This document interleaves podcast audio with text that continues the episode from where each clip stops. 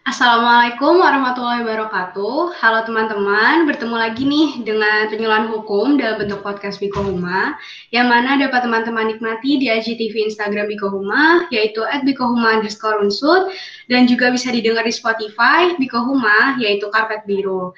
Penyuluhan hukum ini merupakan program kerja dari Divisi Penelitian dan Pengembangan yang juga bekerja sama dengan Sekretaris Umum yang mana penyuluhan hukum ini kami buat dalam bentuk podcast agar dapat dinikmati oleh teman-teman semua. Sebelum terlalu jauh, izinkan saya memperkenalkan diri. Nama saya Shana Felina, saya anggota Biko Huma Angkatan 25. Saya berposisi sebagai Sekretaris Umum, dan pada kali ini saya yang akan memandu berjalannya uh, podcast pada hari ini. Nah, pada episode kali ini saya ditemani oleh dua narasumber yang tidak kalah keren dari narasumber pada episode sebelumnya, yaitu ada narasumber yang pertama itu Kadia, yang kedua ada Kak Furkon. Sebelum kita berdiskusi, saya persilahkan untuk para narasumber memperkenalkan diri. Mungkin yang pertama, silahkan Kak Dia untuk memperkenalkan diri. Oke, makasih Shen. Uh, halo semuanya. Perkenalkan, nama saya Dia Sri Nurwianti. Uh, saya anggota Biko Huma angkatan ke-24. Dan sekarang saya uh, berposisi sebagai Bendahara Umum Biko Huma. Terima kasih Kak Dia. Uh, selanjutnya mungkin silahkan Kak Furkan untuk memperkenalkan diri. Oke, terima kasih Shen. Dia uh, halo teman-teman semua para pendengar podcast Biko Huma di Spotify maupun penonton setia IGTV Biko Huma. Uh, perkenalkan nama saya Furkon Haikal El Islami, biasa dipanggil Furkon. Uh, saya pengurus Biko Huma angkatan 25 dan saya menjabat sebagai divisi Haki. Terima kasih. Baik, terima kasih Kak Dia dan Kak Furkon. Uh, kita mulai ya. Nah, uh, jadi akhir-akhir ini kan uh, lumayan ramai ya diperbincangkan mengenai adanya enam pengawal Habib Rizik Syihab yang tewas dalam insiden penembakan dengan polisi di Tol Cikampek pada 7 Desember 2020. Jenazah mereka dimakamkan pada tanggal 9 Desember 2020 yang mana hampir tiga bulan kemudian Baris Krim Polri ini menetapkan mereka sebagai tersangka atas dugaan penyerangan polisi. Hal ini menimbulkan perdebatan mengenai penetapan tersangka terhadap orang yang sudah meninggal. Nah, saya mau bertanya nih pertama ke Kak Dia, sebenarnya bagaimana sih Kak aturan penetapan tersangka itu sendiri? Yang mana sebelumnya kita juga harus tahu nih uh, apa sih yang dimaksud uh, dari tersangka itu tersendiri. Silakan Kak Dia. Oke, Shen, makasih nih buat pertanyaannya. Jadi, saya jawab dulu ya soal apa sih itu tersangka gitu. Jadi, tersangka ini uh, definisinya diatur di pasal 1 angka 14 KUHAP. Jadi, tersangka ini merupakan seseorang yang karena perbuatannya atau keadaannya berdasarkan bukti permulaan patut diduga sebagai pelaku tindak pidana. Nah, selanjutnya nih, syarat penetapan tersangka ini juga dimuat dalam KUHAP yang kemudian ditegaskan pula dalam putusan Mahkamah Konstitusi nomor 21 garis miring PUU garis datar angka Romawi 12 garis miring 2014. Jadi dalam putusan MK ini dijelaskan bahwa penetapan tersangka ini harus berdasarkan minimal dua alat bukti sebagaimana yang termuat dalam pasal 184 ayat 1 KUHAP dan juga disertai dengan pemeriksaan calon tersangkanya. Nah, pasal 184 ayat 1 KUHAP ini isinya apa sih? Jadi pasal 184 KUHAP ayat 1 ini uh, mencantumkan mengenai jenis-jenis alat bukti yang sah menurut KUHAP gitu.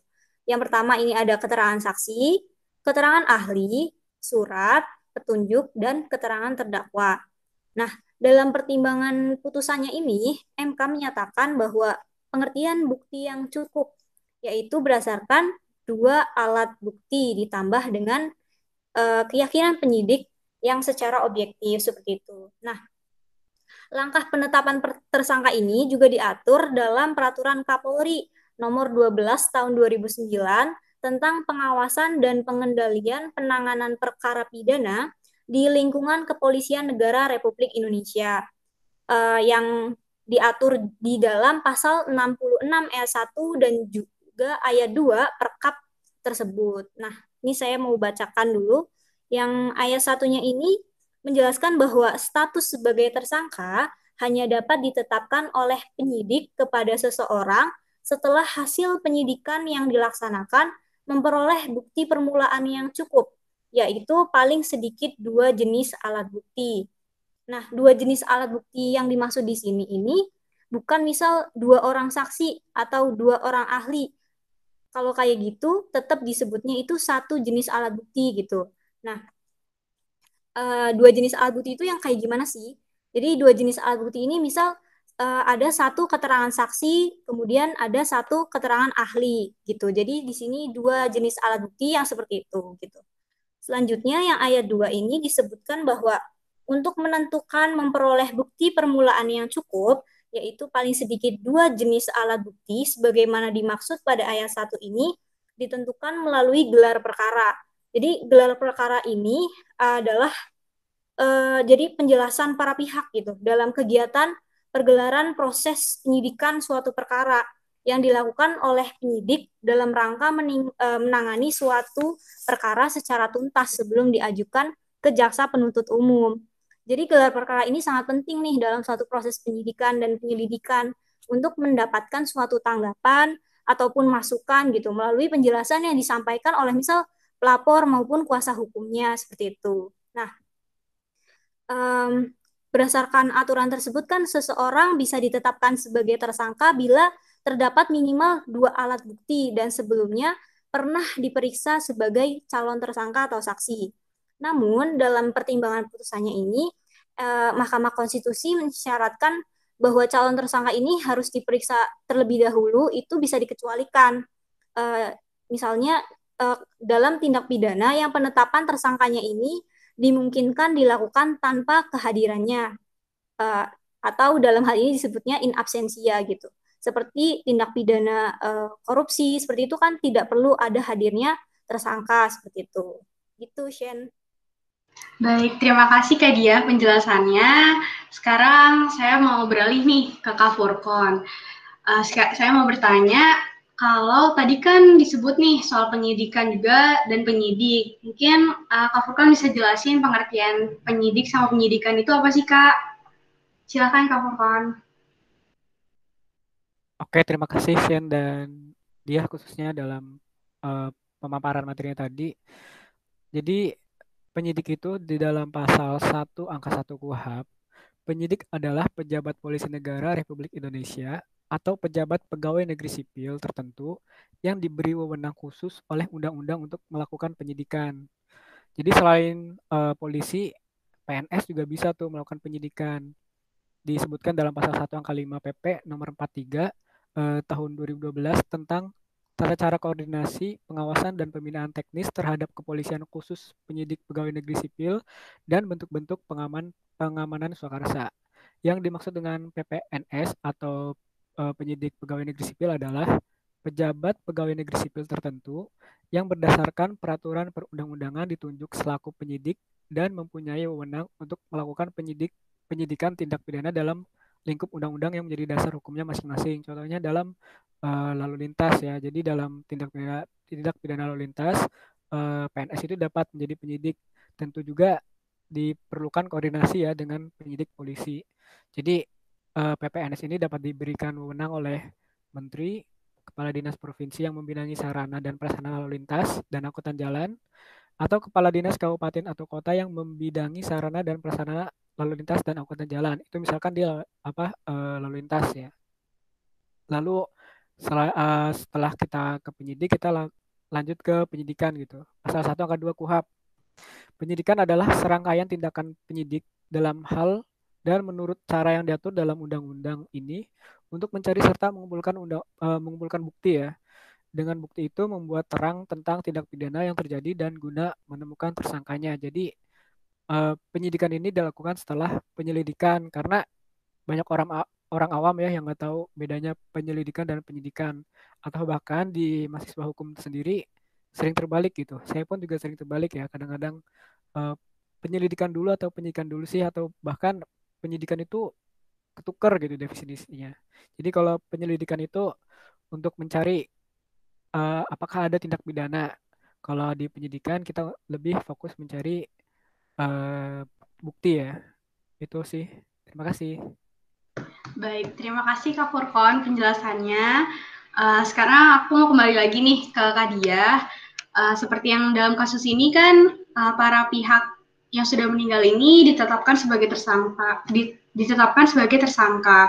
Lalu bagaimana sih Kak jika tersangka meninggal dunia seperti dalam kasus yang lagi kita bicarain ini? Silahkan Kak Dia. Oke, Shen. Jadi uh, aturan mengenai kelanjutan kasus ketika tersangka ini meninggal dunia diatur nih dalam KUHP maupun KUHAP gitu. Jadi apabila kasus masih dalam tahap penyidikan, penyidik ini wajib menghentikan kasus tersebut demi hukum Hal ini sesuai dengan pasal 109 KUHAP ayat 2 yang bunyinya ini dalam hal penyidik menghentikan penyidikan karena tidak terdapat cukup bukti atau peristiwa tersebut ternyata bukan merupakan tindak pidana atau penyidikan dihentikan demi hukum, maka penyidik memberitahukan hal itu kepada penuntut umum, tersangka, atau keluarganya. Nah, sedangkan jika kasus sudah sampai tahap penuntutan, kasus tersebut juga otomatis berhenti sesuai pasal 77 KUHP yang berbunyi bahwa kewenangan menuntut pidana itu hapus jika tertuduh meninggal dunia. Nah, KUHAP dan KUHP ini memang tidak mengatur ya mengenai penetapan tersangka terhadap seseorang yang sudah meninggal dunia. Penetapan seseorang yang sudah meninggal sebagai tersangka ini ya tentu merupakan suatu hal yang tidak lazim gitu logikanya kalau misalkan perkara ini tidak bisa lanjut, kenapa menetapkan tersangka? Itu kan suatu hal yang tidak jelas gitu ya, suatu hal yang tidak perlu gitu. Dalam hal penghentian penyidikan nih, apabila tersangka meninggal dunia, maka dengan sendirinya menurut hukum harus ditutup tindakan penyidikannya ini oleh penyidik. Jadi apabila pelakunya ini telah meninggal dunia, maka lenyap juga nih dengan sendirinya pertanggungjawaban atas tindak pidana yang disangkakan kepada tersangka tersebut gitu. Dan pertanggungjawaban pidananya ini itu tidak dapat dialihkan nih kepada keluarganya maupun ahli waris terdakwa seperti itu. Baik, terima kasih Kak Dia atas penjelasannya. Sekarang saya mau ke Kak lagi nih Kak. Tadi setelah membicarakan tersangka, saya mau tanya nih sebenarnya apa sih hak-hak tersangka itu sendiri? Silahkan Kak Furkon. Hak-hak tersangka itu ada banyak gitu. Ada banyak sekali seperti pahala saya yang tidak terhitung. Aduh, sorry garing guys. Jadi uh, salah satu hak tersangka atau terdakwa yang perlu diketahui di awal itu yang penting ya adalah hak untuk mendapatkan bantuan hukum dari seorang advokat ataupun pengacara gitu. Jadi bantuan hukum ini sangat penting sebab dengan didampingi oleh seorang advokat atau pengacara artinya Eh, maka seseorang tersangka atau terdakwa ini dapat diberikan penjelasan mengenai hak-hak hukumnya secara independen. Selain itu, menurut hukum, apabila diancam hukuman mati atau pidana penjara di atas lima tahun, maka seorang tersangka atau terdakwa wajib diberikan bantuan hukum dengan didampingi oleh seorang advokat atau pengacara. Jadi, hmm, bantuan hukum ini juga sebenarnya hak gitu. Jadi tidak tidak wajib boleh si tersangka atau terdakwa ini uh, mengajukan atau meminta ditemani oleh pengacara atau tidak. Namun gitu akan bersifat wajib apabila dia diancam hukuman mati atau pidana di atas lima tahun. Jadi itu hak-hak pentingnya gitu. Sebenarnya ada banyak ya diatur di KUHAP, diatur pasal 50 sampai dengan pasal 68 KUHAP. Ya saya bacakan aja tiga aja nggak apa-apa. Jadi yang pertama tadi bantuan hukum, kedua uh, hak untuk diberitahu kepada keluarganya atau orang lain yang serumah atau hak dan hak untuk dikunjungi sanak keluarga untuk kepentingan pekerjaan atau uh, keluarga. Jadi itu Shen. Jadi uh, hak yang paling penting tentu saja yang tadi yang saya sebutkan bahwa hak dapat uh, ditemani oleh pengacara atau advokat bantuan hukum. Seperti itu. Terima kasih. Baik, terima kasih Kak Furkon. Ternyata memang banyak ya Kak hak-hak dari tersangka itu sendiri. Uh, sekarang mungkin yang terakhir saya mau bertanya ke Kak Dia uh, mengenai pra peradilan nih Kak. Mungkin bisa jadi pra peradilan itu sebagai bentuk salah satu bentuk perlindungan bagi tersangka itu sendiri. Silakan Kak Dia.